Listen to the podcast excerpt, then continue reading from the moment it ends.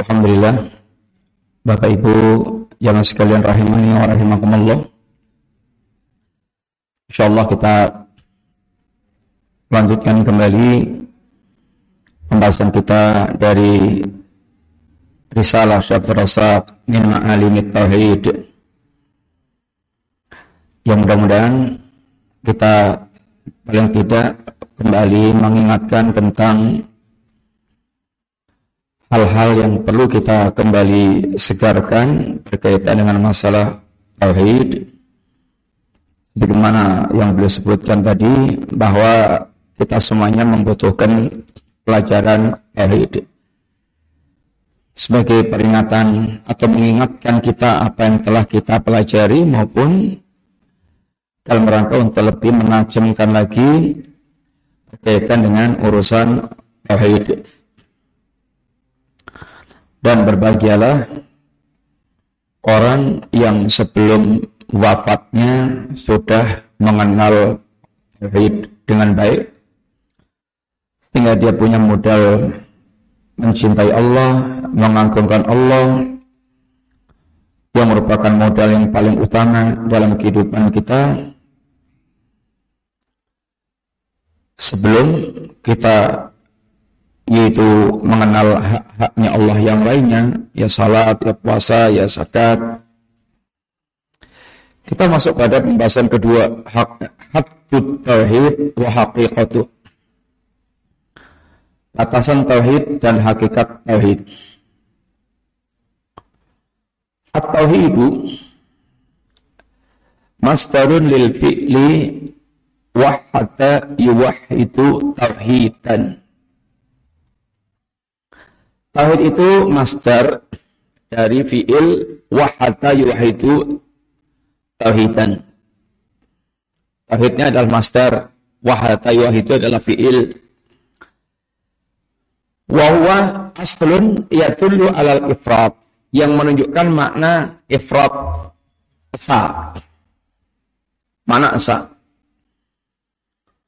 Esa itu satu-satunya, tidak ada duanya. Enggak ada tiganya, satu-satunya. Dan tadi telah kita sampaikan untuk menghasilkan makna asa itu apa yang harus ada ikhwan? Apa tadi? Untuk menghasilkan makna asa satu-satunya yang harus ada apa tadi? Ya, an-nafyu wal isbat. Wa tauhidu tauhidullah adapun mentauhidkan Allah itu adalah ifratuhu subhanahu wa nafyu syarik anhu fi huquqih wa khasaisih. Fala syarika lahu fi syai'in min khasaisih wala fi syai'in min huquqih. Subhanahu wa ta'ala ala ibadihi Sehingga kalau dikatakan orang itu mentauhidkan Allah, itu artinya mengesahkan Allah. Menunggalkan Allah, mengesahkan Allah. Dan meniadakan syarikat, meniadakan sekutu bagi Allah dalam hak-hak Allah maupun dalam kekhususan-kekhususan Allah. Sehingga tidak ada sekutu dalam haknya Allah dan dalam kekhususan Allah Subhanahu wa taala. Apa yang masuk dalam kekhususan Allah?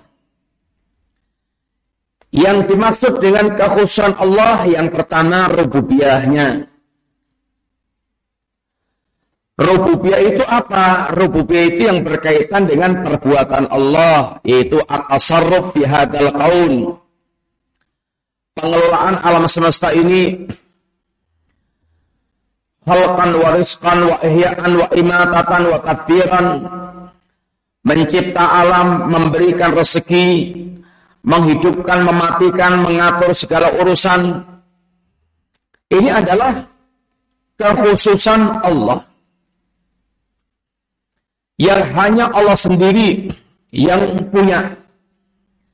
Tidak ada pencipta selain Allah, tidak ada sang pemberi rezeki selain Allah, tidak ada yang bisa menghidupkan, mematikan selain Allah, tidak ada yang mengatur alam semesta selain Allah. Demikian pula termasuk kekhususan Allah Subhanahu wa taala adalah nama-nama dan sifat Allah yang maha tinggi, maha sempurna. Yang Allah Subhanahu wa taala yaitu pemilik nama, pemilik sifat yang mulia yang setiap kehendak Allah itu pasti terwujud. Yang setiap kehendak Allah adalah pasti terwujud.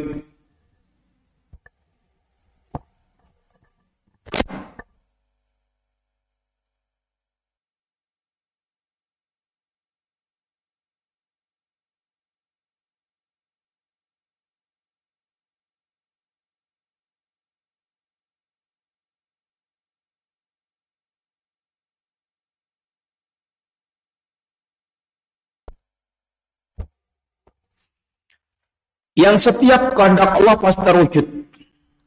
Adapun kalau kehendak makhluk itu ya kadang terwujud, kadang tidak terwujud. Karena faktor utamanya adalah penentunya adalah Allah Ta'ala. Kalau Allah mengendaki berarti kehendak kita juga bisa terwujud. Kalau Allah nggak mengendaki kehendak kita tidak terwujud. Ya pengennya kalau Joko pengen kawin untuk sing luang, sing putih, wayu, ke sugi, turunan rojo, ya ki karpe ternyata apa itu ya saya itu eh ini adalah kehendak manusia menunjukkan tidak yaitu pasti terlaksana. Wa qudratu syamilah. Demikian pula kekuasaan Allah kemampuan Allah itu meliputi segala-galanya. Allah Subhanahu wa taala mampu segala-galanya dat yang maha sempurna. Kalau ada orang bilang, ini biasanya mahasiswa baru itu dosennya filsafat ngajari. Allah kan ma mampu kan? Mampu nggak Allah membuat batu yang gede sampai nggak mampu mengangkat? Gimana jawabannya? Mampu nggak? Allah kan mampu kan? Mampu nggak Allah membuat batu yang gede sampai nggak kuat mengangkat? Gimana jawabannya? Itu yang perlu dipentung itu kepalanya dia itu karena pertanyaannya salah dan menunjukkan hakikat yang tidak paham tentang Allah Subhanahu. Itu jawab apa-apa ya salah. Mampu ya salah. Enggak mampu ya salah. Ini salah, pertanyaannya salah. Pertanyaannya pertanyaan salah. Pertanyaannya hanya akan membuat ini ngaco orang yang menunjukkan dia tidak paham tentang kesempurnaan Allah Subhanahu wa taala. Allah Maha sempurna dan bersih dari cacat-cacat. Sehingga semua cacat dan kurang yang dinisbatkan kepada Allah, Allah bersisih. Tidak ada cacatnya sama sekali. Ini ada terkandung dalam nama dan kesempurnaan nama dan sifat Allah Ta'ala. Ilmunya al-wasi, ilmunya maluas. Kesempurnaan Allah meliputi dalam semua nama dan sifat Allah yang tidak sama sekali ada cacat dan kekurangannya. Sehingga tidak ada sekutu sama sekali di dalam ini sifat-sifat Allah Subhanahu wa taala. Sehingga Allah esa di dalam nama dan sifatnya juga.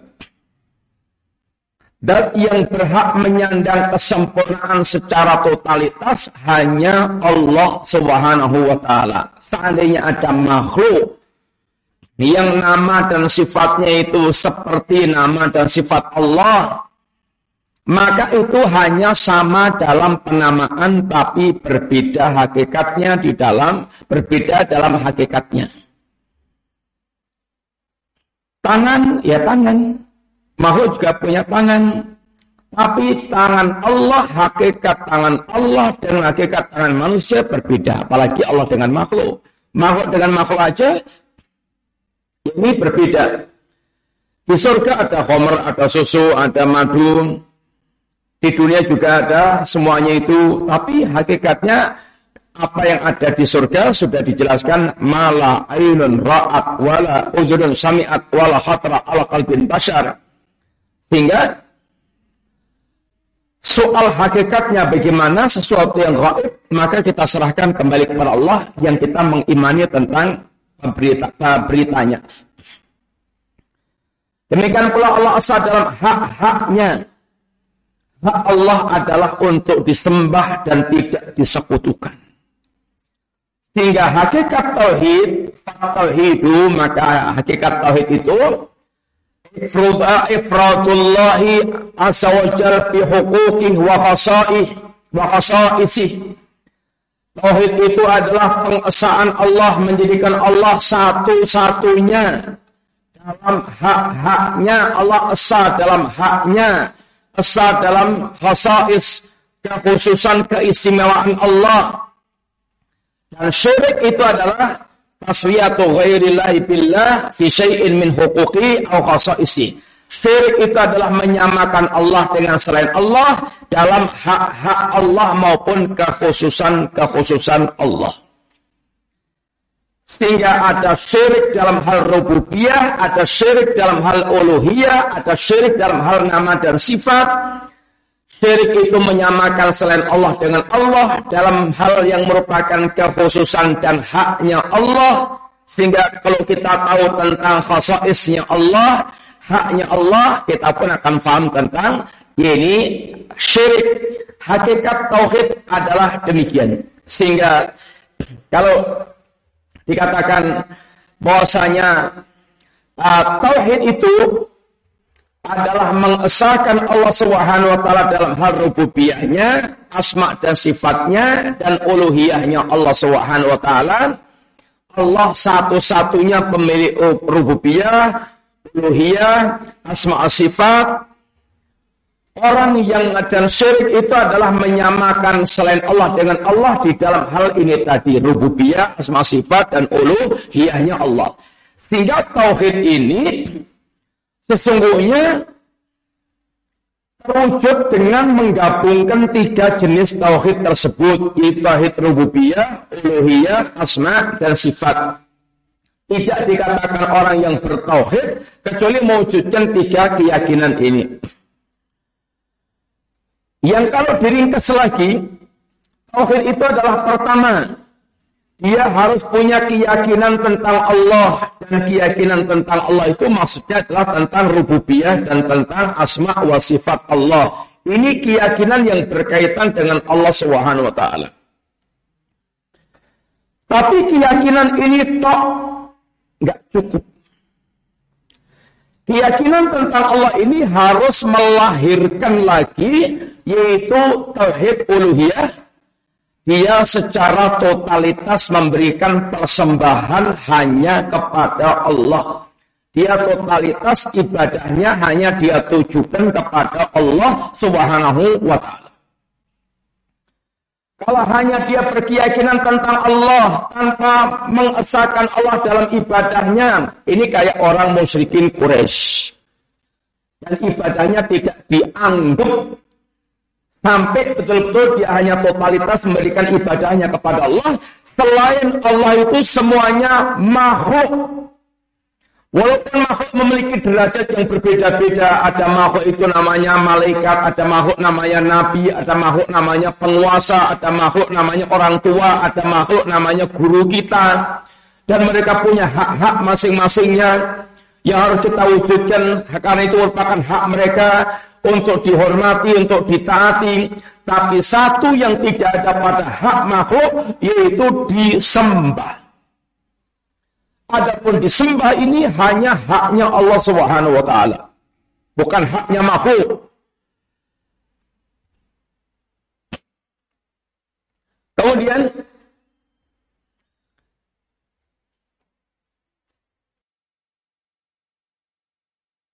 Kita masuk pada ini adalah hakikat tauhid itu tadi. Ringkasnya demikian. Sekarang kita masuk pada tahqiqut tauhid wa takmilu. Tahqiq tauhid yaitu bagaimana dikatakan orang itu mentahqiq tauhid dan bagaimana orang itu katakan mentahqiq tauhid dengan sempurna wa tahqiqut tauhid darajatun ulia wa manzilatun munifatun waratabatun syarifatun mewujudkan tauhid itu adalah derajatnya sangat tinggi kedudukannya sangat mulia tingkat yang sangat mulia Dzakara Nabi sallallahu anna ahla yadkhuluna al-jannata yaumal qiyamah biduni hisabin wala adabin. Orang yang mentahqiq tauhid itu di antara keistimewaannya dia akan masuk surga tanpa hisab dan tanpa adab. Masuk surga itu ada dua dengan hisab dan adab Yang kedua tanpa hisab, tanpa adab. Sehingga kondisi kaum muslimin itu dalam masalah tauhid juga bertingkat-tingkat. Tentang orang-orang yang bertauhid dan akan masuk surga tanpa hisab tanpa adab, di antaranya termuat di dalam hadis Rasulullah SAW Ketika Nabi ditunjukkan tadi umat yang sekelompok umat yang besar, lalu di antaranya dikatakan wa ma'ahum sab'una alfan yadkhuluna al-jannata bighairi hisabin wal adab. Bersama mereka itu 70 ribu. Dari kalangan umat Muhammad 70 ribu. 70 ribu itu banyak nggak? Hah? Kalau 70 ribu itu itu maksudnya itu sak temulawak ya banyak banget. Kalau 70 ribu itu dari zaman Rasulullah SAW sampai hari kiamat, jumlah umat Islam berapa, kemudian masuk surga itu tanpa hisab, adab itu 70 ribu, itu sangat sedikit. Sangat sedikit. Tapi di hadis yang lainnya, Nabi menjelaskan setiap setiap seribu akan membawa tujuh puluh ribu lagi. Sampai ditambah lagi dengan caruan-caruan Allah sendiri yang kita nggak tahu jumlahnya. Dan kita berharap mudah-mudahan dimasukkan dalam kelompok yang yaitu dakhalal jannah bi ghairi hisabin wal adab yang penting bagaimana kita berusaha untuk mewujudkan tauhid dengan semurni-murninya. Karena ini ada syaratnya. Ketika Nabi menyebutkan tentang mereka yang masuk surga tanpa kisah tanpa azab, para sahabat pun memperbincangkan kira-kira siapa yang mereka itu. Kemudian Nabi memberikan ya ini ulasan siapa itu yang akan masuk surga tanpa hisab tanpa adab Humul ladina la yarqun la wala yastarqun wala yatatayyarun wala yaktawun wala rabbim yatawakkalun. Yang pertama adalah orang yang mereka la yarqun tidak ini ruqyah. Meruk, kalau meruqyah itu dalam agama kita sebenarnya kebaikan. Ya, kalau meruqyah itu kebaikan, karena itu berbuat baik. Termasuk bolehnya kita merukyah diri sendiri. Karena ada ayat-ayat rukyah yang Allah dan Rasulnya ajarkan yang mengurangi kesempurnaan tauhid itu adalah yastarkun, minta di rukyah. Kalau minta di rukyah itu ada unsur meminta kepada makhluk, itu yang akan mengurangi kesempurnaan ini tauhid. Walayatatayyarun, maka meminta rukyah itu termasuk ya ini dikatakan makruh. Walaya tatayarun dan tidak tatayur.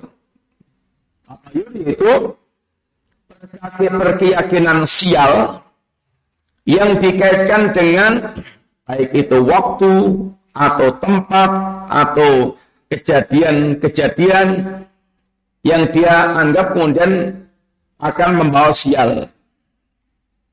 Contohnya, kalau di tengah-tengah masyarakat kita yang sangat umum saja, tatayur dengan bulan suro. Dengan bulan suro.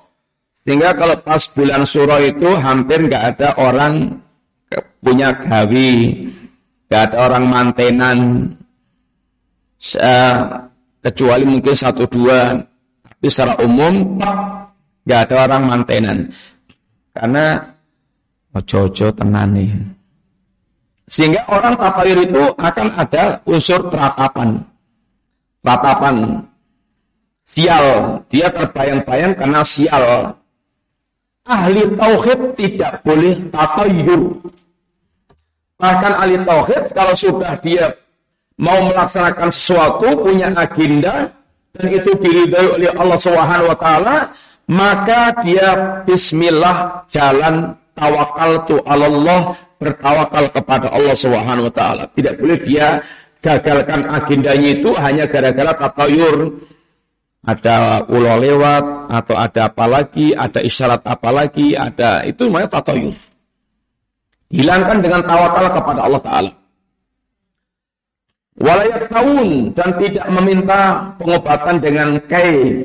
Itu pengobatan dengan besi panas di kalangan orang Arab dikenal Wa dan mereka betul-betul tawakal kepada Allah ini penentunya di sini. Sehingga bagaimana hatinya itu tawakal kepada Allah dan tawakal itu yang sempurna akan terwujud apabila memiliki keyakinan yang sempurna kepada Allah Ta'ala. Namanya tawakal, kita pasrah bersandar total kepada Allah. Di kalangan makhluk saja ketika kita mewakilkan itu seperti jenis tawakal tapi mesti itu mewakilkan. Orang kita mewakilkan pekerjaan para seorang itu kita akan mencari orang yang betul menentramkan kita.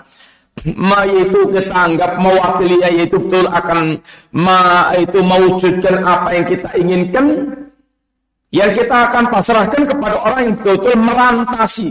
Contoh kita ingin mewakilkan orang bangun rumah Ya kita mesti harus betul-betul itu pastikan yang akan bangun rumah ini adalah orang yang betul memang pakarnya bangun rumah, punya keahlian bangun rumah, punya keterampilan bangun rumah, sehingga bisa ngitung semuanya dan bisa benar mewujudkan rancangannya. Kita pasrahkan dia sudah lost tentrem, ayam. Tapi kalau masyarakat buat rumah orangnya lila-lila, Belas gak mudeng masalah urusan rumah. Jojo mah kuambrung mana. Sehingga gak akan menenteramkan. Kita mau pergi cari sopir. Mewakilkan untuk nyopiri kita. Yang pakar, yang pengalaman, yang jam terbangnya tinggi, yang dia betul sangat lihai mengendalikan. Ya ini mobil Gak mungkin kita pasrahkan kepada orang yang baru belajar setir, ya dipancal sekali langsung meloncat yang jurang nanti. Ini mewakilkan di antara para makhluk. Maka tawakal kepada Allah itu menunjukkan cerminan dia betul-betul yakin bahwa Allah itu dia berpasrah total kepada Allah. Ini adalah orang tawakal. Maka ibadah tawakal seperti ini itu dibangun di atas kesempurnaan dalam meyakini tentang rububiyah dan asma wa sifatnya Allah Ta'ala. Sehingga betul dia bisa ibaratnya itu sandarnya itu leh. Dia bersandar total kepada Allah, pasrah total kepada Allah, nanti Allah yang akan mencukupi. Wa ma yatawakkal Allah fa hasbuh. Barang siapa yang betul bertawakal kepada Allah, Allah yang akan mencukupi urusan dia ini dibutuhkan terbangunnya keyakinan kita tentang Allah. Nah, kalau kita tidak pernah belajar tentang siapa itu Allah, bagaimana akan terbentuk keyakinan dalam hati kita tentang Allah Subhanahu wa taala? Sehingga makanya pelajaran tauhid itu pelajaran yang pertama dan utama Karena tauhid berkaitan dengan membangun muamalah kita dengan Allah Subhanahu wa taala dan yang lainnya itu merupakan cabang-cabang dari pembahasan yakni tauhid kan merupakan hak-haknya tauhid. Kemudian wa tahqiqut tauhid al-murabbi yang dimaksud dengan mentahqiq tauhid ini intinya di sini. Apa yang dimaksudkan dengan mentahqiq tauhid itu? Tatmimut tauhid wa takmiluhu wa taswiyatuhu wa tankiyatuhu minas syawa'ib syirki wal bid'ah wal ma'asi. Yang dimaksud dengan mentahqiq tauhid itu adalah menyempurnakan tauhid. Menyempurnakan tauhid, membersihkan tauhid, memurnikan tauhid dari apa? Dari kotoran-kotoran syirik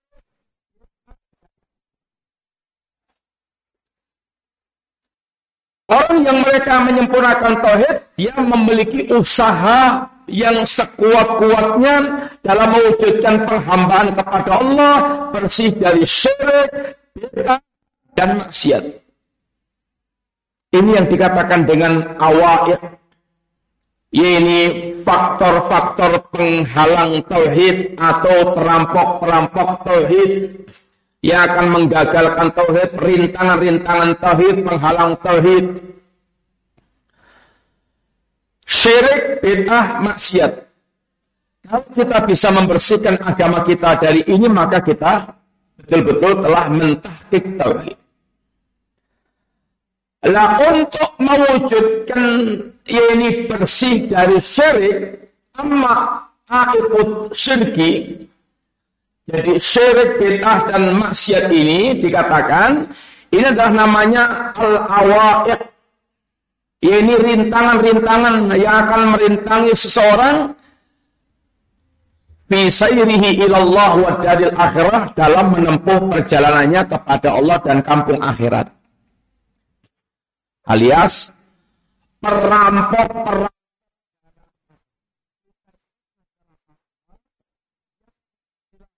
sedang berjalan menuju Allah dan kampung akhirat, kemudian akan ada perampok-perampok yang berusaha untuk menggagalkan perjalanan kita, dan perampok-perampok itu ada yang namanya syirik, bid'ah, dan maksiat. Ini adalah penggagal-penggagal perintah-perintah. Ini tauhid.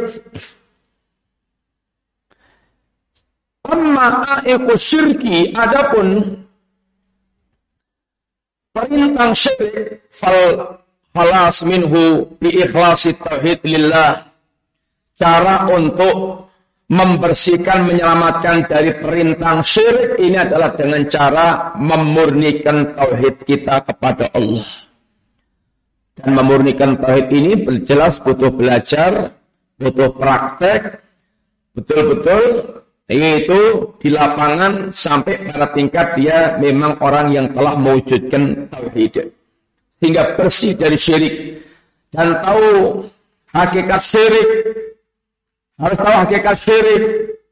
Kalau paham orang kecemplung di dalam syirik dan dia nggak paham. Wa amma aikul bid'ah adapun rintangan bid'ah fal khalasu minhu cara menyelamatkan dari bid'ah bagaimana caranya? Biluzumi sunnah wa tibai rasuli sallallahu wa sayri alaman haji melazimi sunnah mengikuti rasul berjalan di atas manhatnya Rasulullah SAW belajar apa yang diajarkan Nabi. Dia betul bisa menghidupkan sunnah. Jangan mengeklaim dirinya itu ahlu sunnah apalagi wal jamaah, tapi penuh dengan bid'ah dan khurafat dan syirik di situ. Karena justru tidak mencerminkan kehidupan yang betul-betul di atas tauhid, di atas sunnah. Ya ini semuanya tentu dengan belajar hakikat sunnah yang diajarkan Rasulullah Sallallahu Alaihi Wasallam Tinggal tahu mana yang sunnah, mana yang bid'ah. Belajar tauhid, tahu mana yang tauhid, mana yang syirik. Jangan sampai kuali-kuali. Dan jangan sampai belajar agama hanya katanya-katanya. tapi harus kembali kepada apa yang diajarkan Allah dan Rasulnya itu dalilnya Quran dan Sunnah dan yang lain itu sifatnya menjelaskan menjelaskan dan standar penjelasan yang paling benar adalah penjelasan para sahabat Nabi dan para ulama ikuti para sahabat Nabi. Sehingga setelah menampilkan Quran dan Sunnah, dilihat penjelasannya eh, dari para pakarnya, yang mereka yang paling benar adalah para sahabat Nabi dan para pengikut sahabat Nabi. Ini adalah orang yang mereka betul-betul ingin membebaskan dari yakni syirik dan bid'ah. Wa amma ikul maksiyah adapun perintah maksiat fal bu'tu anha wal hadra wal hadaru bil bu'ti anha wal hadari min al wuqu' fiha wa tawbati an nasuh ila Allah idza waqa'a fi syai'in min adz-dzunub wal ma'asi. Perintah maksiat itu caranya bagaimana untuk membersihkannya? Menjauhi berbagai macam bentuk maksiat, menjauhi Makanya dalam Islam itu yang diajarkan itu jangan dekat-dekat. Orang kecemplung itu karena cedak-cedak. Lah orang jaraknya antara jurang dengan dia sekilo. Apa mungkin kecemplung jurang? Kecemplung jurang itu kalau dia mendekati jurang, miring-miring di situ terus kecemplung itu karena ya, dia dekat-dekat. Maka Allah dalam mengajarkan kita Bukan hanya jangan melakukan, tapi jangan dekat-dekat. La taqrabu zina. Jangan kamu dekat-dekat dengan zina. Bukannya jangan berzina. Karena untuk terjerumus ke situ itu ada pengantar-pengantarnya, ada ini yang mendekatkan ke situ. Kita diperintahkan untuk men, untuk menghindar, untuk menjauhkan jangan dekat-dekat. Wal dan berhati-hati. Wabil hadari dan dengan hati-hati mewaspadai. Waspadai karena terkadang untuk masa itu ada tipu dayanya. Ada ada tipu dayanya yang orang kemudian kadang tertipu oleh iblis, talbis, eh, tal, talbis iblis. Kalau Ibnu Jauzi juga menjadi saya menjelaskan tentang talbis iblis atau juga dikisahkan para ulama Terkadang iblis itu untuk menyeret kepada kemaksiatan itu wasilahnya 99 ketaatan untuk menjerumuskan dalam kemaksiatan wasilahnya 99 ketaatan. Ada namanya akhwat, Ustaz, mbok saya diajari tafsir Quran privat. Akhwat cantik terus minta diajari tafsir privat. Ini privat tafsir Quran. Ya pertama mengajarkan tafsir Quran. Berikutnya kok ya disingkirkan terus dengkulnya nyedak itu. Akhirnya terjerumus dalam perkara yang tidak diinginkan. Wasilahnya banyak. Maka Islam telah mengajarkan betul agar waspada betul trik-trik iblis, trik-trik syaitan. Maka Ibnu Al-Imam Ibnu Jauzi mengajarkan atau menulis kitab itu Talbisul Iblis, bagaimana iblis melakukan tipuan-tipuan kepada manusia supaya terjerumus di dalam perbuatan yang membinasakan. Kalau sudah terjerumus bagaimana? Wat taubah. Ini bitaubatin nasuh dengan taubat yang nasuha. Taubat yang serius, taubat yang benar-benar. Maka ini akan bisa membersihkan ini perintah-perintah tersebut. Faidaka faidal afaidakan al abdu bihadi rutubah rutubah fa innahu balagha tahqiqat tauhid. Hamba itu telah sampai pada tingkatan tinggi, eh, tingkatan ini semuanya terbebas dari syirik, bid'ah, maksiat, dia telah sampai pada tingkatan mentahkik tauhid. Telah sampai pada tingkatan mentahkik, yakni tauhid. Ini yang pertama, hakikat mentahkik tauhid seperti itu. Kemudian, dijelaskan lagi, watahkikut tauhid juga yang harus kita pahami tentang mentahkik tauhid itu ala rutbata ini terdiri dari dua tingkatan. tahqiqun wajibun mentahqiq yang wajib. Wa tahqiqul mustahabun mentahqiq yang mustahab. Wa kullu ahli rattataini yadkhuluna al-jannah yaumal qiyamah biduni kisabin wal adab. Wal adabin Dua kelompok yang baik yang mereka mewujudkan tahqiq yang wajib dan tahqiq yang mustahab, dua-duanya dia juga termasuk akan masuk surga tanpa hisab, tanpa ini azab. Adapun tingkatan pertama adalah batil muktasidin. Ini muktasid. Tingkatan muktasid. Muktasid itu yang kayak apa sih? Man fa'alal wajiba wa tarkal muharram wa tarakal muharrama. Yang orang muktas itu adalah melaksanakan yang wajib wa tarakal muharrama meninggalkan yang haram. Melakukan yang wajib meninggalkan yang haram. Tapi dia tidak disebutkan dengan yang sunnah-sunnah. Mencukupkan dengan melakukan yang wajib meninggalkan yang haram kalau dia betul-betul pelihara ini, فإذا كان العبد هذه حال محافظا على الواجبات والفرائض مجانبا للمحرمات والكبائر والآثام kalau seorang hamba itu betul-betul dia dalam kondisi seperti ini menjaga yang wajib, meninggalkan yang haram, meninggalkan kabair, orang seperti ini maka dia telah dikatakan fa'inna qad haqqaqat tauhid at-tahqiq al-wajib. Wa kana minal muqtasidin dia telah mewujudkan tahqiq yang wajib termasuk golongan muqtasidin dan mereka akan dia akan termasuk orang yang yadkhul ini yadkhulul jannata biduni hisabin wal adab masuk surga tanpa hisab tanpa adab. Ini kelompok yang pertama ini kelompok yang sederhana. Yang kedua kelompok yang wajib kelompok yang lebih istimewa yaitu tahqiqut tauhid wa ta'at tahqiqal mustahab. Mewujudkan tauhid mentahqiq yang mustahab. Yaitu martabatu sabiqina bil khairat. Ini tingkatannya orang yang, yang melakukan kebaikan dengan berlomba-lomba dalam kebaikan berdahulu dalam kebaikan. Mereka ini adalah wa humul ladina ma'akhibtihim wa inayatim bil wajibat wa bu'tihim anil kabair wal muharramat nafasu fir wa nawafil wal mereka ini orang-orang yang selain menjaga yang wajib, menjauhkan dari yang kabair, menjauhkan dari muharramat, mereka berlomba-lomba dalam melakukan hal yang nawafil, yang sunah-sunah. Sehingga mereka orang memiliki semangat untuk melakukan yang wajib dan sunnah. Meninggalkan yang haram. Meninggalkan yang makruh. Ini adalah tingkatan yang paling hebat, yang paling top dalam agama ini. Dua-duanya tingkatan ini semuanya juga masuk ke dalam surga.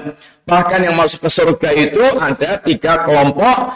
Ini dolimun li nafsi, muktasidun, kemudian sabiqun bi khairat, tingkatannya berbeda. Thumma arasnal kitab alladziina astafaina min ibadina minhum dhalimun li nafsi wa minhum muqtasidun wa minhum sabiqun bil khairat bi idznillah. Dzalika huwal fadlul kabir jannatu adnin yadkhulunaha. Kemudian kami wariskan kitab ini kepada hamba kami yang pilihan yang mereka ini ada yang zalimul li nafsi, menzalimi diri sendiri ada muktasidun di antara sabiqun bil khairat. Ini semuanya akan masuk ke dalam surga. Dalika huwal fadlul kabir. Itulah keutamaan yang besar dari Allah. Jannatu atnin yadkhulunaha. Mereka akan mendapatkan surga dan akan masuk ke dalamnya. Muktasid sabiqun bil khairat. Masuk surga tanpa hisab tanpa adab Dalimul nafsi orang yang muslim yang punya tauhid tapi masih melakukan berbagai macam dosa dan maksiat tapi bukan syirik dan kufur maka dia akan masuk surga. Tetapi tidak dari awal dia bisa diazab dulu di jahanam apabila Allah mengendakinya dan tidak mengampunkan nanti dengan kehendak Allah pula dia akan diselamatkan dari azab sehingga ada orang dikatakan Nabi dengan istilah jahannamiyun, mantan-mantan jahannam. Ini bab yang ketiga yang dikatakan mentahkik tauhid seperti itu. Itu mewujudkan tauhid dengan cara sempurna itu dia membebaskan tauhidnya dari syirik, bid'ah dan maksiat. Dan ini berat. Sangat berat. Teorinya gampang, tapi prakteknya itu sangat berat. Sehingga orang harus betul-betul bagaimana caranya untuk bisa mewujudkan agamanya yang bersih dari syirik, kita dan maksiat. Sekarang masuk yang ke bab yang keempat, nawakib dan nawakis tauhid. Pembatal-pembatal tauhid dan yang mengurangi tauhid.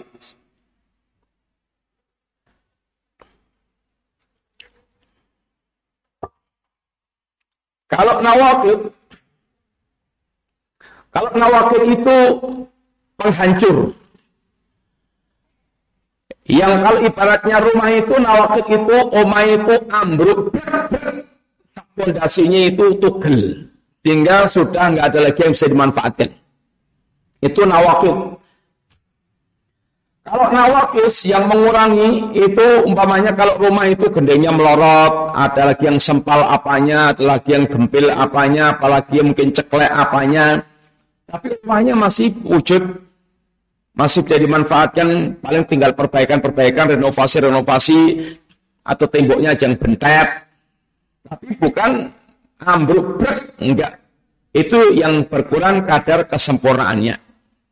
Kalau pohon, Nawakit itu ya pokoknya sampai akarnya bosok kemudian ambruk sehingga sudah nggak ada lagi ceritanya apa ini pohon. Kalau nawakit itu sempal rantingnya atau ceklek pang-pangnya atau bahkan ceklek batangnya tapi masih akan bisa tukul lagi karena akarnya masih itu nawakis. Ah, nawakit itu tauhid At-tauhidu lau nawakid walau nawakis. Tauhid itu memiliki nawakid pembatal dan memiliki nawakis. Nawakid tauhid, adapun pembatal tauhid adalah allati tuhbitul amala wa tubtila wa tubtilu at-tina kullah. Kalau nawakid itu membatalkan amal, menghancurkan agama secara keseluruhan. Yang masuk nawakid, yang masuk nawakid tauhid adalah al-kufru, wasyirku, wan nifaqul khalis, yang masuk dalam pembatal tauhid adalah kufur, syirik, nifak. Kufur, syirik, nifak. Yang dimaksudkan adalah kufur akbar, syirkun akbar, nifak akbar. Ini yang akan menghancurkan tauhid. Ini akan menghancurkan tauhid. Kalau syirk kufur ashar, ni kemudian syirkun ashar, nifak asghar atau nifak amali ini akan eh, nawakis yang akan mengurangi kesempurnaan tauhid. Jadi yang menjadi nawakid itu ya porosnya ya ya eh, ini pokoknya tiga ini kufur syirik nifak. Kalau yang akbar itu menjadi nawakid penghancur tauhid, kalau yang asghar itu menjadi nawakis yang akan mengurangi kesempurnaan yakni tauhid. Sehingga kafir musyrik nifak yang iktikadi yang akbar ini akan ini masuk neraka dan kekal di dalamnya. Kalau yang ashor melakukan yang ashor, kufur ashor, syirik ashor, nifak ashor, ini terancam neraka, tapi tidak menjadikan dia terjerumus di neraka sepanjang waktu selamanya. Kemudian kita lihat sekarang yakni satu-satu syirik kufur nifak. Pertama beliau jelaskan tentang syirik, syirik akbar. Syirik ada dua, akbar dan ashar. Yang kalau akbar ini syiriknya menjadikan dia nggak diampuni oleh Allah, tidak diampunkan Allah, dia halal darahnya, kekal di dalam neraka, amalnya hancur semuanya, ini syirkun akbar. Asyirkul akbar ini macam-macam. Para ulama menyebutkan ada empat macam. Sebenarnya kalau bicara syirik itu yang akbar itu ya syiriknya ada rububiyah, ada uluhiyah, ada asma sifat. Dan syirik yang disebutkan para ulama yang empat ini rata-rata maksudnya pada syirik uluhiyah. Adapun syirkun akbar itu ada empat macam. Satu syirkut doa, syirkut dakwah. Syirik dalam masalah doa. Ini berdoa kepada selain Allah Subhanahu wa taala dalam hal yang hanya Allah yang mampu untuk mewujudkan. Contohnya minta ke mayit-mayit ini adalah syirkun akbar. Minta kesembuhan kepada dukun, ini syirkun akbar. Hal-hal yang hanya dimampu oleh Allah lalu diminta kepada makhluk, ini syirkun akbar. Minta ke dukun untuk supaya punya anak, ini adalah sudah di luar kemampuan manusia. Syirkun akbar atau minta kepada mayit, wali supaya menjaga hidupnya dari mara bahaya. Syirkun akbar.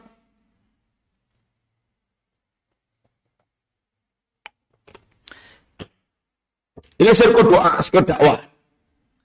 Yang kedua, syirkun niat. Syirik dalam masalah niat. Syirik dalam masalah niat. Itu niat yang totalitas hanya untuk mencari dunia sama sekali tidak mencari Allah dan kampung akhirat. Orang seperti ini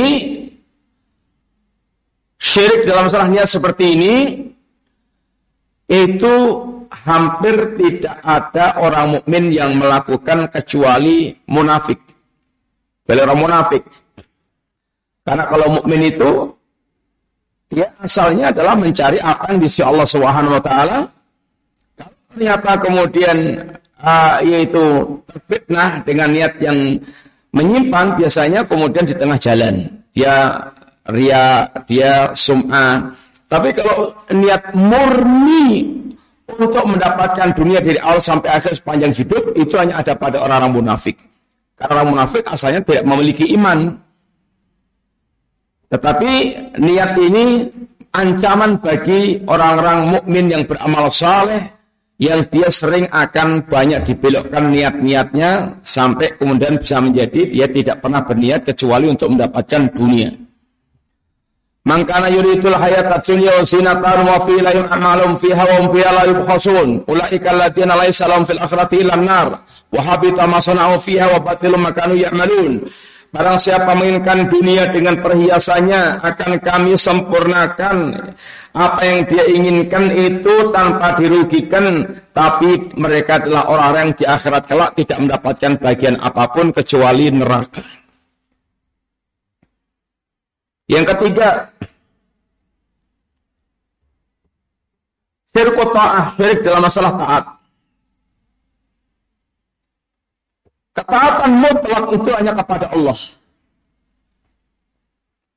Selain Allah, ketaatannya itu terikat.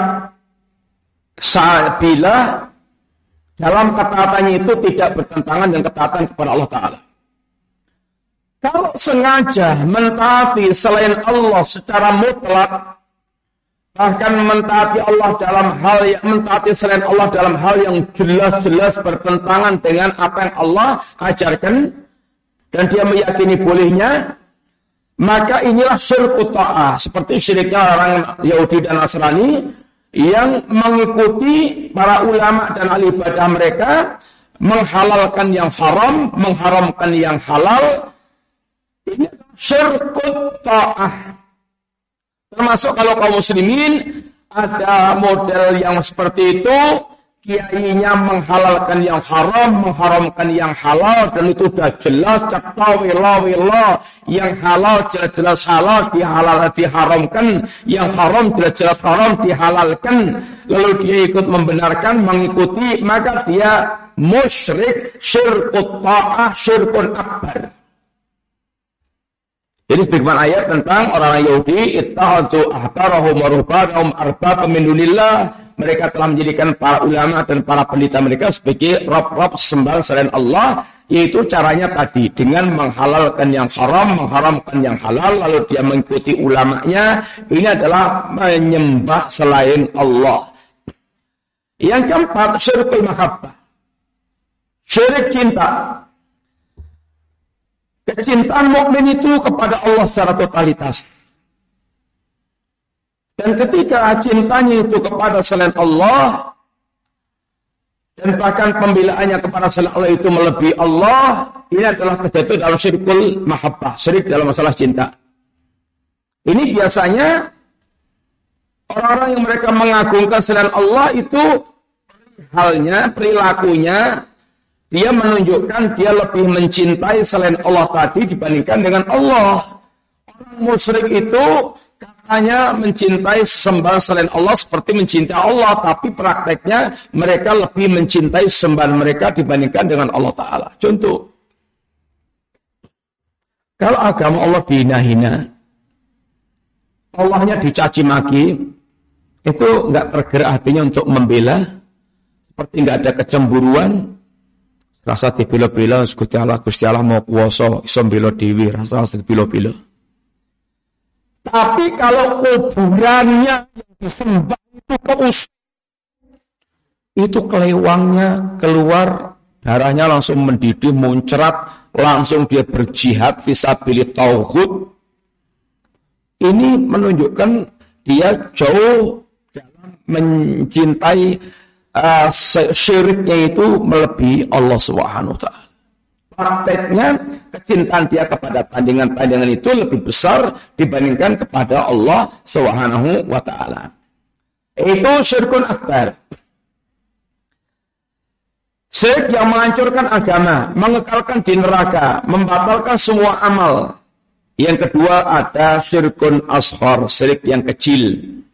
Riya, sum'ah, iradatut dunya bi amalil akhirah itu termasuk syirik Ria ingin pamer.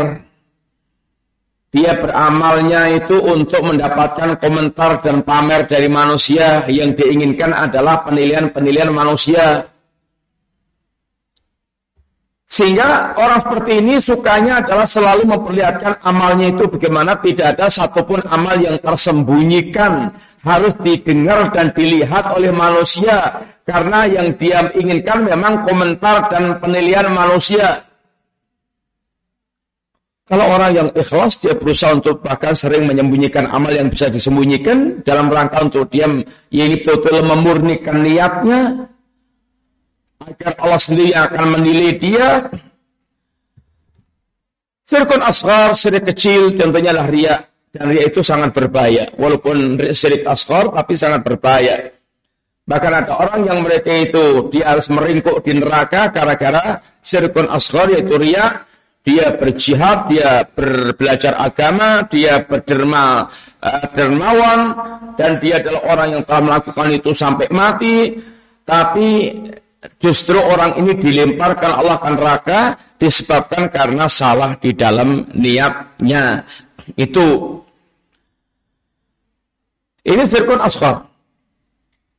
Yang ketiga sirkun khafi ada sirik namanya sirik yang terselubung. Sebenarnya kalau para ulama membagi syirik itu ada biasanya pembagiannya sirkun akbar asghar atau khafi jali. Kalau akbar asghar itu nanti yang akbar itu ada yang khafi ada yang jali, yang asghar yang khafi ada yang jali. Atau khafi jali yang khafi ada yang akbar ada yang asghar. Asghar jali yang jali ada yang akbar asghar. Paham nggak? Ini pembagian ulama. Kalau yang ada yang bagi akbar asghar, dan biasanya yang akbar ada yang khofi, ada yang jali, yang asghar juga demikian, yang khofi ada yang jali. Contoh yang akbar tapi khofi, apa contohnya? Ya keyakinan-keyakinan berkaitan dengan para berhala atau selain Allah yang bisa melakukan seperti Allah, keyakinan itu nggak kelihatan, tapi ini syukur Jali contohnya yang terang-terangan, ketok motor, dia mau serik secara fisik. Apa contohnya? Sujud kepada patung, sehingga kelihatan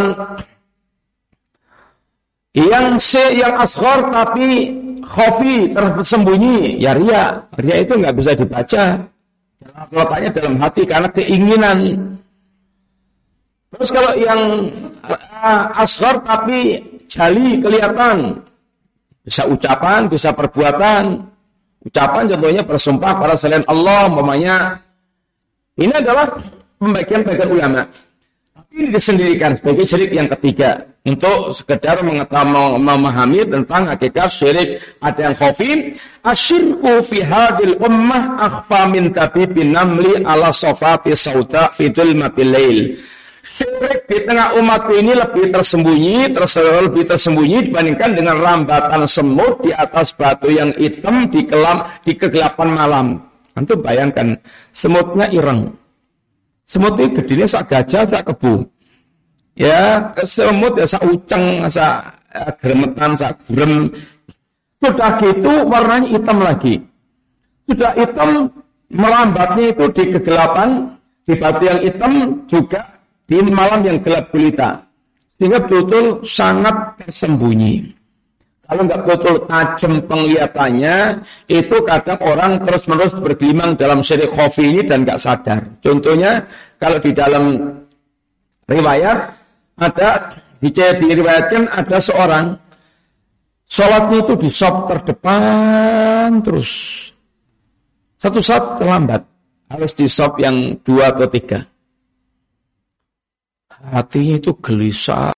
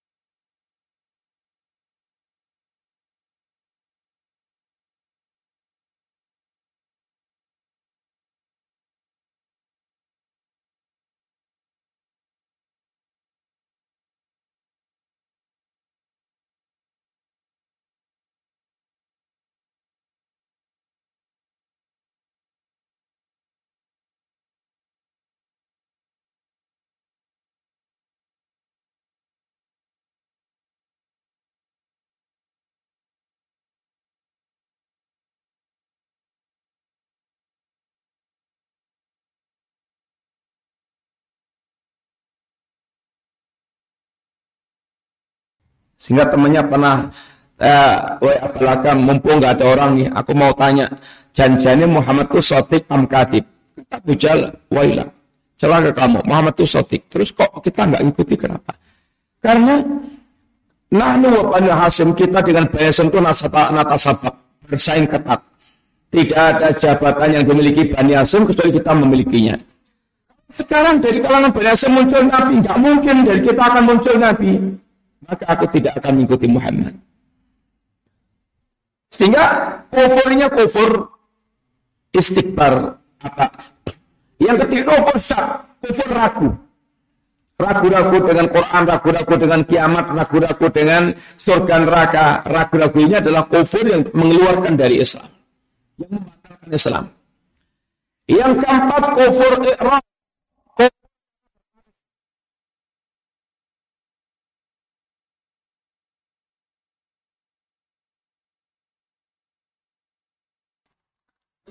Muslim sekalian itu dengan agamanya kalau dia Muslim itu mbok ya sekecil apa pun pasti punya kecenderungan pelatihan kepada agamanya.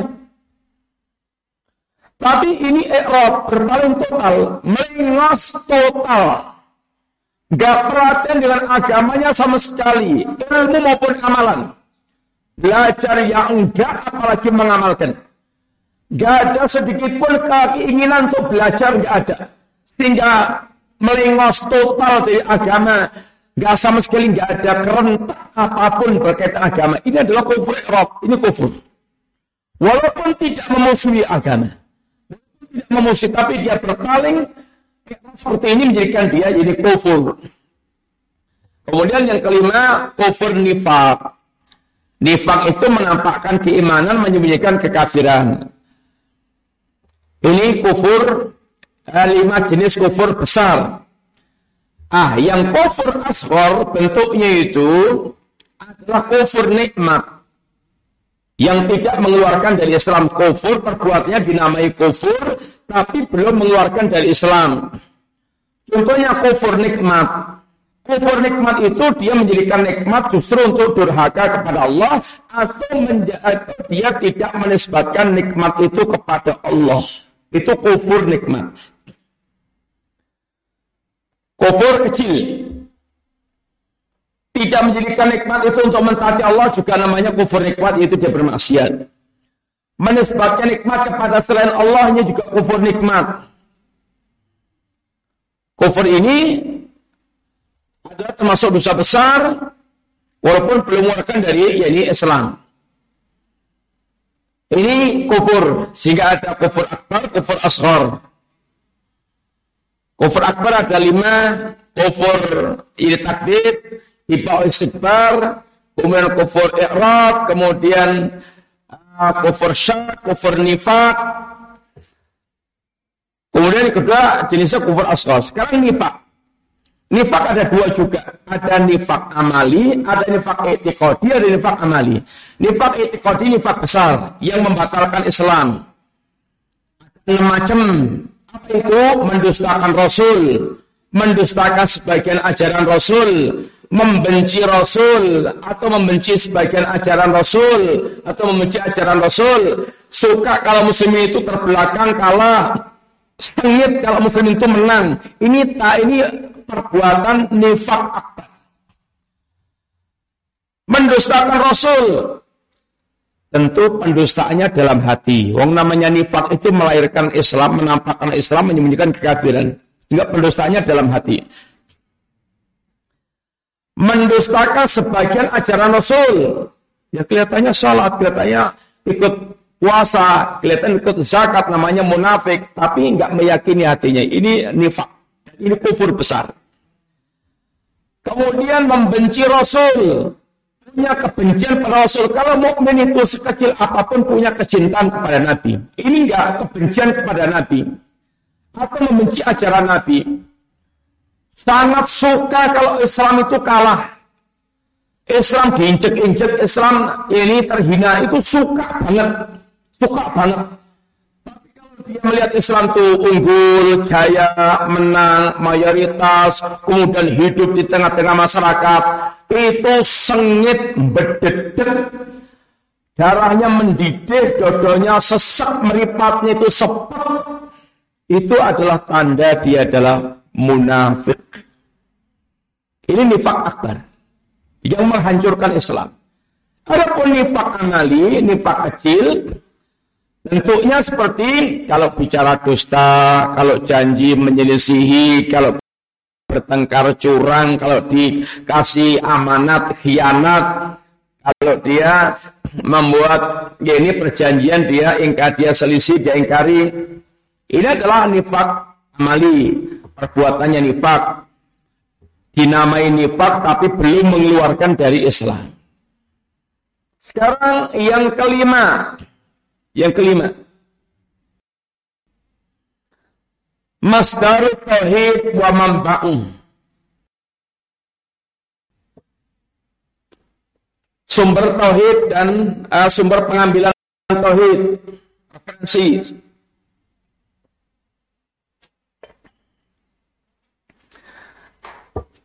Sumber tauhid seperti yang telah kita sampaikan di uh, di awal At-tauhidu dinun sahihun wa imanan qaul qawimun mustamatun min kitabillah wa sunnati nabi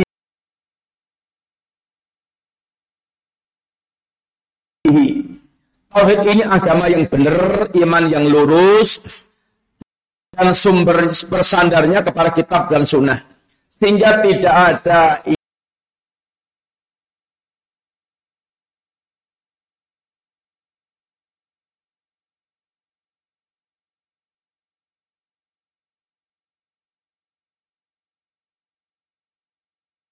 yang berhak untuk memberikan pelajaran-pelajaran agama. Agama itu terambil dari Quran dan Sunnah yang merupakan ajaran Allah dan Rasulnya. Akidahnya juga akidah yang terambil dari Quran dan Sunnah. Yaitu akidah yang dijelaskan dengan wahyu Allah Subhanahu wa taala. Sehingga betul sumbernya bening. Kalau diminum ya ibaratnya airnya seger, betul menyegarkan badan, menguatkan badan, mengokohkan badan, dampaknya bagus, menyehatkan. Ini adalah akidah yang sahih. Akidah yang benar, tauhid yang benar. Adapun akidah-akidah selain akidah Islam itu akidah yang buatan manusia, tumbuh dari akal manusia, perasaan manusia, atau hanya warisan-warisan kakek moyangnya juga manusia, sehingga tidak ada dalil yang membenarkan akidah yang batil mereka. Sekalian, kalau akidah tauhid sumbernya wahyu dari Allah, maka akidah-akidah yang batil itu sumbernya macam-macam. Sumbernya macam-macam.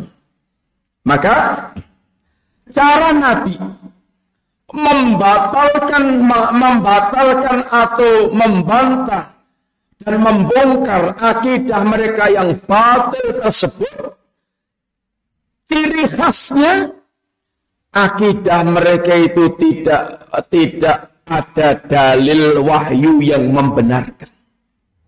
Dalilnya akhirnya itu bukan Tuhan, dalilnya apa itu kakek moyang, dalilnya apa itu macam-macam. Maka disebutkan di antara sumbernya akidah yang sesat ini Wa ammal aqaid allati indanas famasdaruha. Adapun akidah-akidah yang ada di kalangan manusia yang buatan manusia sendiri, semua akidah selain tauhid adalah buatan manusia. Apa sumbernya? Satu, imma matumlihi alihim ukuluhum al-fasidah wa tujibu ara'uhum al-kasidah. Sumbernya itu satu, ada yang akidahnya itu terlahir dari akal-akal mereka dan pendapat-pendapat mereka yang rusak. Contohnya akidah filsafat.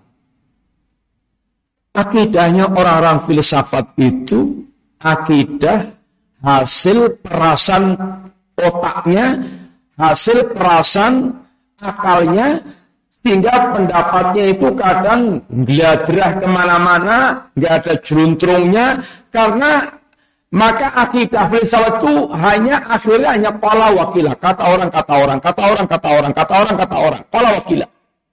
Gak ada sumbernya. Maka ini tidak akan bisa mewariskan ketenangan hati, tidak akan bisa mewariskan yaitu kebahagiaan akan menghasilkan kegoncangan, maka orang-orang filsafat itu nggak ada yang punya keyakinan menep itu nggak ada. Karena akidahnya, sumbernya, akalnya, pemikirannya sendiri.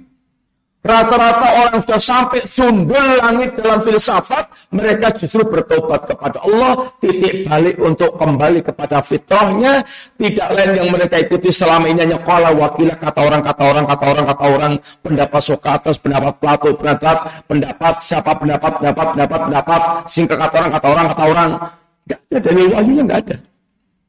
Sehingga akan tidak akan bisa mewariskan ketenangan jiwa. Satu.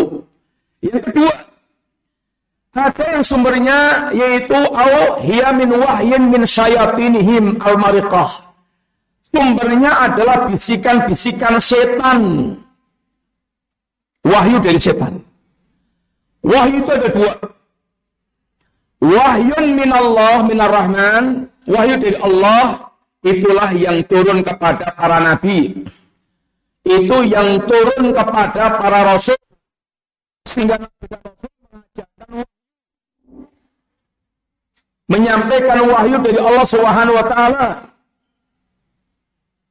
Yang kedua, wahyu minas syaitan. Wahyu dari syaitan itu turunnya ke dukun-dukun tukang sihir. Para pendusta dan para pendosa. Mereka lah wali-wali setan. Kepada mereka diturunkan wahyu-wahyu setan. Allah katakan wa inna syayatin la yuhuna ila awliyaihim liyujadilukum. Setan-setan itu akan mewahyukan kepada para wali-walinya untuk membantah kalian. Maka orang sudah sudah punya niat membantah ayat-ayat Quran yang benar, membantah hadis Nabi, setan itu akan ngasih ide-ide sehingga ada aja idenya itu untuk melecehkan agama, untuk membantah agama, untuk itu idenya dari setan-setan semuanya itu dibantu setan. Setan ngasih bisikan-bisikan. Kemudian maka ketika Muhtar as nabi palsu, itu dikatakan dia sedang dapat wahyu, bahkan sahabat Ibnu Umar atau Ibnu Abbas mengatakan benar Ya, dia dapat wahyu. Tapi maksudnya wahyu setan. Wahyu setan.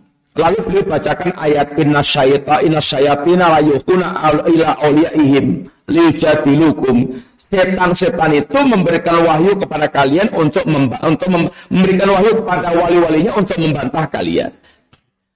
Siapa mereka turun ila kuli ah, ini uh, afakin asim. Turunnya kepada orang yang afak pendusta asim lagi pendosa maka dukun-dukun tukang sihir itu rata-rata pendusta dan pendosa walaupun yang sorbannya apa walaupun yang bersorban kiai berjubah bersorban kemudian tasbihnya sak beluluk-beluluk itu ya rata-rata pendosa dan pendusta ngapusi wong ngapusi tukang ngapusi wong itu wali-wali setan. Orang yang tidak betul-betul berpegang teguh dengan wahyu dan dia tidak betul nyambungnya dengan Allah itu pasti tampilannya itu penuh dengan tipuan. Pasti. Walaupun tampilannya kiai, walaupun tampilannya itu kayak wali, tapi pasti dia itu penuh dengan tipuan. Menjadi manusia-manusia penipu. Itu pasti.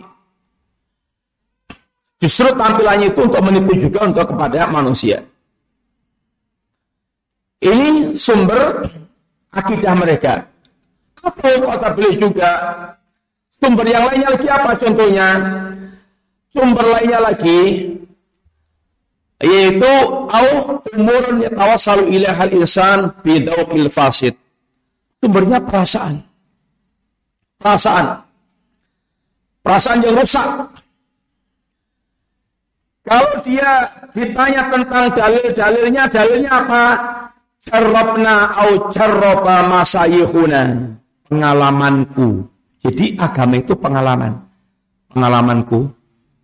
Dikir malam Jumat Kliwon. Dikir iki ping sewu. Iku bakal ngene.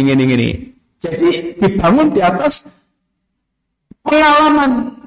Pengalamanku ndonga ning kuburane wali itu bakal kabul-kabul gini-gini. Pengalaman. Agama ini tidak dibangun di atas pengalaman. agama ini penjelasan dari Allah kepada Rasulnya, disampaikan oleh Rasulnya, dijelaskan, itulah agama yang diajarkan Allah Subhanahu Wa Taala. Makanya sumber-sumber akidah yang selain tauhid itu semuanya kacau dan ruwet. Atau juga di antaranya adalah yaitu manamat, manamat, ngimpi-ngimpi, mimpi-mimpi. Rata-rata para sufi itu semuanya sumbernya ngimpi. Mimpi bertemu Nabi, atau bahkan ketemu Nabi dalam keadaan jaga. Ini semuanya adalah sumber-sumber akidah selain Tauhid. Ini semuanya adalah sumber-sumber yang rusak. Syaitaniyah, hawa nafsu. Sehingga intinya kalau tidak mengikuti wahyu, pasti jeglongnya itu kepada setan dan hawa nafsu. Yang Imam Ibnu Qayyim mengatakan harapun min riqillah wal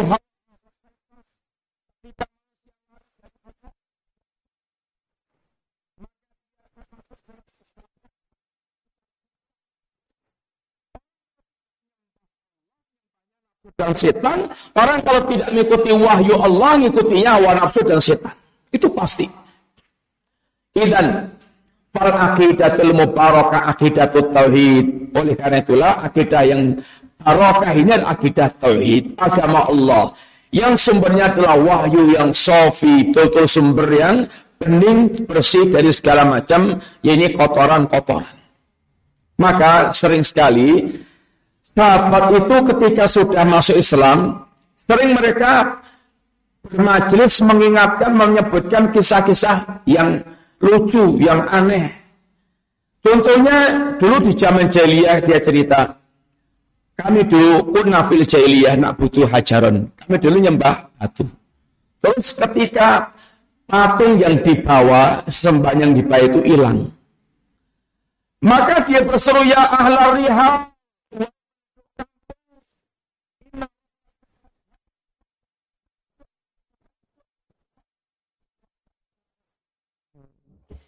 Suruh cari lagi batu yang semisal dengan yang hilang untuk mencari Tuhannya yang hilang itu. Kemudian mereka pun cari dengan penuh kesulitan. Di tengah-tengah mereka yang cari-cari Tuhannya lagi ada penyeru. Ini inna qad wajadna rabbakum kita menemukan lagi Tuhan kalian atau yang serupa dengan Tuhan kalian. Lalu mereka mendekat ke batu yang ditemukan lalu menyembelih unta kalau untuk mereka, untuk tuannya itu sudah beri bentuk takaruban kepada Tuhannya. Ini orang yang nyembah patung batu digawe dewe, gowo dewe, hilang berarti tuannya hilang, gule meneh, disembah lagi. Maka Umar, Umar bin Khattab pernah dia salah-salah, kadang ketawa, kadang menangis, ketawanya ngingat Dulu itu Tuhannya itu tetelan kurma, kurma ditetel. Terus kalau dibawa dibawa pergi, itu pas luwe kurma dipetili, dipoteli untuk dipangan, untuk dimakan. Nanti buat Tuhan baru lagi dengan tetelan kurma lagi. Di mana akalnya orang-orang yang mereka menyembah selain Allah Subhanahu wa taala ini? Maka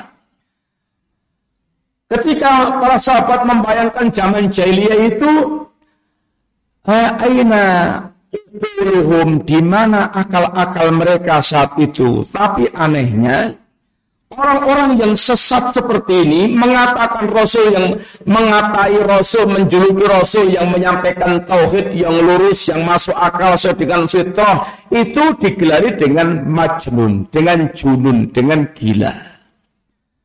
Sehingga kalau Anda yang lurus digelari itu bengkok, digelari gila, itu contohnya sudah ada. Biasanya mereka baru sadar kalau dia itu dulu gila itu ketika sudah masuk Islam. Baru tahu dulu itu utaknya itu enggak, ternyata dulu enggak waras. Gimana dia kok nyembah batu, batunya hilang, gulai meneh, kemudian disembah lagi, dan seterusnya. Itu biasanya hanya akan diketahui kalau dia sudah masuk Islam. Terakhir, sudah ngantuk-ngantuk. Terakhir, Terakhir ini tahu aja.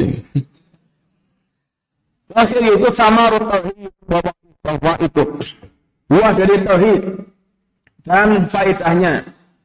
Secara umum, Bapak sekalian, buah dari tauhid itu digambarkan oleh Allah tentang pohon tauhid.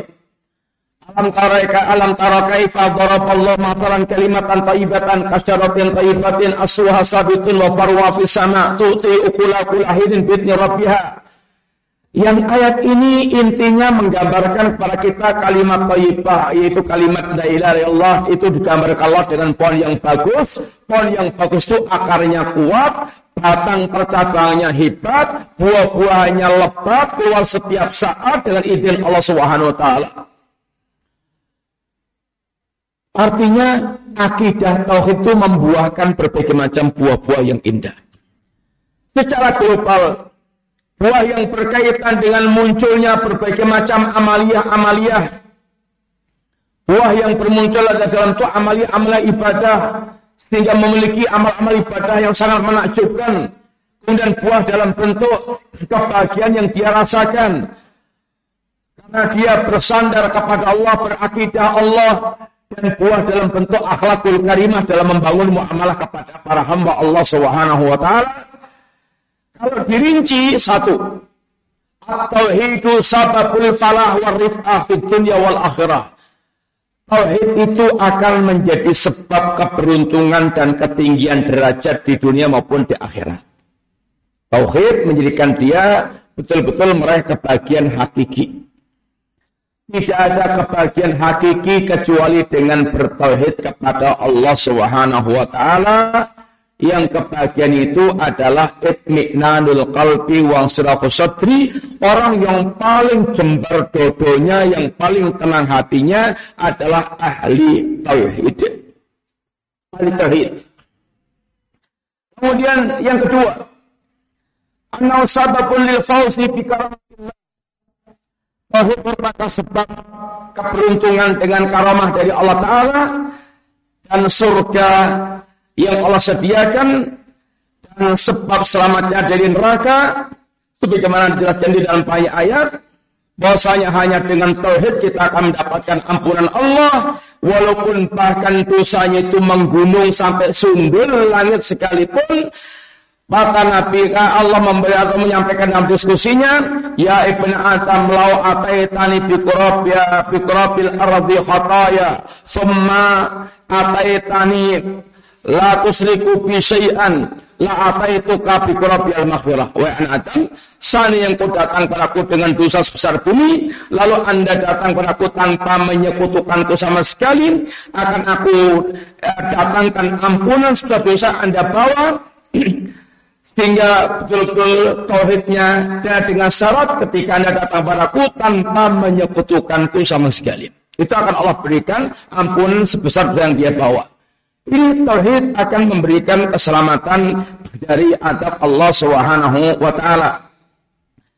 Kemudian yang ketiga asbabi. Tauhid itu sebab yang menjadikan seorang itu berlapang dada. Orang yang paling lapang dadanya, orang yang paling sempurna tauhidnya. Orang berlapang dada itu akan bisa dengan modal lapang dada itu semua pekerjaan menjadi nyaman. Antum kalau duduk di majelis ilmu kayak gini ini, dodonnya sempit, sesek, nggak lapang, gundah, gulana, galau, gelisah itu nggak bakal bisa belajar dengan nyaman. Nggak akan bisa menangkap ilmu dengan baik. Lawang awake nyenuk nengar porsi pikirani melangyang ke mana-mana sehingga nggak ada nyantol belas atau mikir sesek sesek karena utang mamanya mikir sing teko nanti jam sekian teko ngake utang rong duit cadangan karek ngedol apa engko nyauri kepiye itu akhirnya berantakan semuanya. Ibu-ibu kalau masa itu hatinya itu dongkol, sesek, bededek, sempit, itu masa ini itu rasanya terupil. Jadi rusak semuanya itu masakan gak nyaman kompor gede dijarno nanti kopong apeh gosong Itu karena perasaannya itu nggak matching dengan masaknya itu. Ibu-ibu kalau ngomong anak juga dalam kondisi itu nggak tenang, nggak nggak nyaman, dodonya sesat, berdedar, itu nggak bakal itu menghasilkan yaitu ngomong yang nyaman. Kendaraan di jalan, dodonya perasaannya sempit, bisa nabrak orang, bisa celaka. Kalau kita itu dadanya lapang, longgar, semuanya nyaman. Ngisi nyaman, dakwah nyaman, sholat nyaman, badah nyaman. Aktivitas dunia akhirat, kalau dadanya itu lapang, itu akan nyaman. Makanya, ketika Nabi Musa mau dakwah ke Fir'aun, itu yang di, di antara doanya apa? Rabb israhli sodri. Ya Allah, berikan kepadaku kelapangan dada. Karena dai itu butuh dodonya jembar. Dodonya lapang. Dan di antara kelapangan dada itu dalam bermuamalah adalah gampang memaafkan. Gampang memaafkan. Untuk memaafkan itu membutuhkan kelapangan dada. Apa hubungannya antara kelapangan dada dengan tauhid? Orang yang paling sempurna tauhidnya, orang yang paling sempurna lapang dadanya, karena Allah yang paling suka memaafkan manusia, Allah suka dengan pemaaf, maka orang ingin dicintai oleh Allah, maka dia harus menjadi seorang pemaaf. Sehingga orang yang paling sempurna tauhidnya, yang paling lapang dadanya. Ini merupakan karunia besar. Yang ketiga, keempat, ya? keempat, Allah takafala li ahli bil issi wa nasri fid dunya wa tamkin fil ardi wa salahil ahwal. Di antara buah tauhid adalah Allah menjamin izah dan pertolongan di dunia dan aga dan keteguhan di dunia. Dikokohkan kedudukannya di dunia. Maka diberikan khilafan izah kewibawaan itu di antaranya dengan syarat tauhid. Janji Allah wa'atallahu alladhina amanu minkum wa amilu salihat. La yastakhlifannahum fil ardi kama stakhlafa alladziina min qablihim. Wa la yumakkinanna lahum dinahum alladzi qadalahum wa la yubattilanna min ba'di khawfihim amna. Ya'budunani la yusyrikuna bi syai'an Allah berjanji kepada orang mukmin dan beramal saleh. Allah berikan kekhilafan di muka bumi. Sebagaimana Allah berikan kekhilafan orang sebelum mereka Allah akan teguhkan kedudukan agamanya yang Allah ridhai, Allah akan gantikan rasa takut dengan rasa aman. Ini semuanya akan Allah berikan kepada para ini kepada kaum mukminin.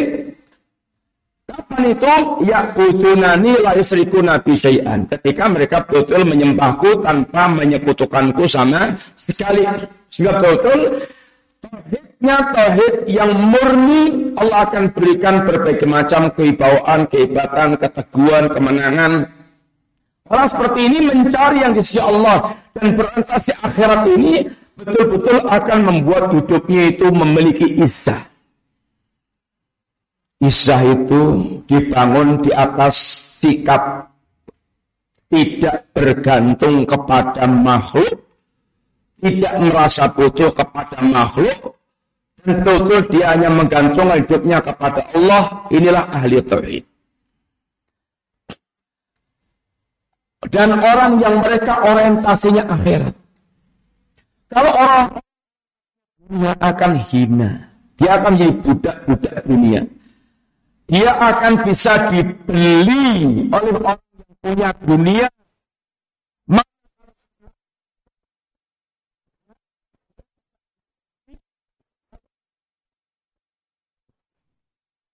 Dunia dijual. Gak ada lagi harga dirinya tentang dunia, tentang agamanya. Tapi kalau orang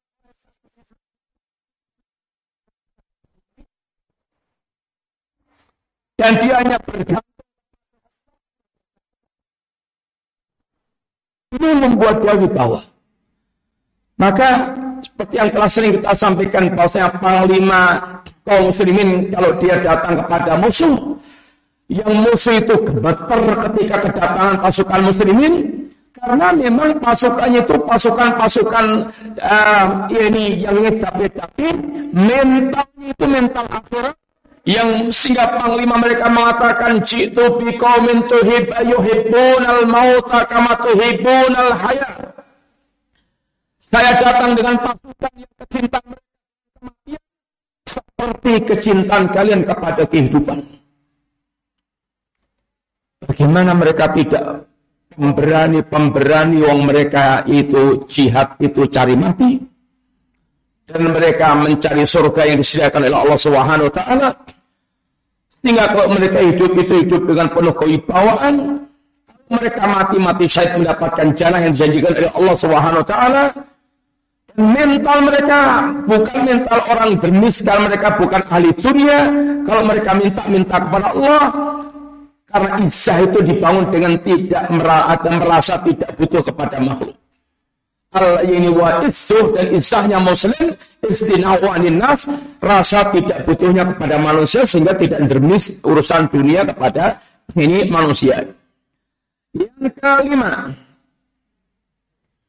Tauhid akan membukakan pintu segala kebaikan dan kebahagiaan bagi para hamba dan kelezatan ketenangan jiwa. Dengan kalau itu akan lezat hidupnya, lezat dalam beribadah, hatinya akan tenang, dia akan lurus, benar-benar akan bisa merasakan kebahagiaan yang hakiki. Itulah kehidupan ahli tauhid.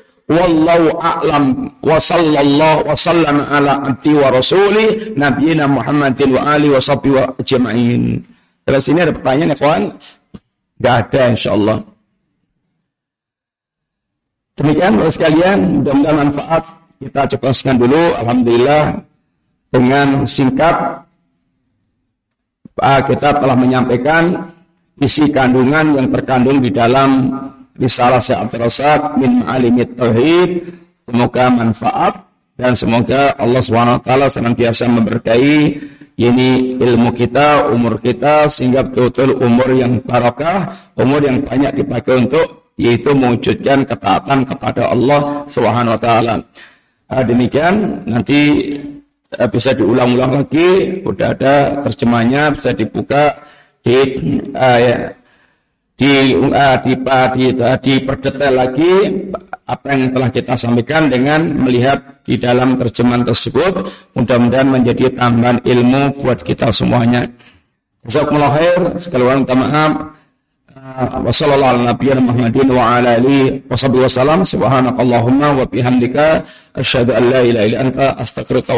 assalamualaikum warahmatullahi wabarakatuh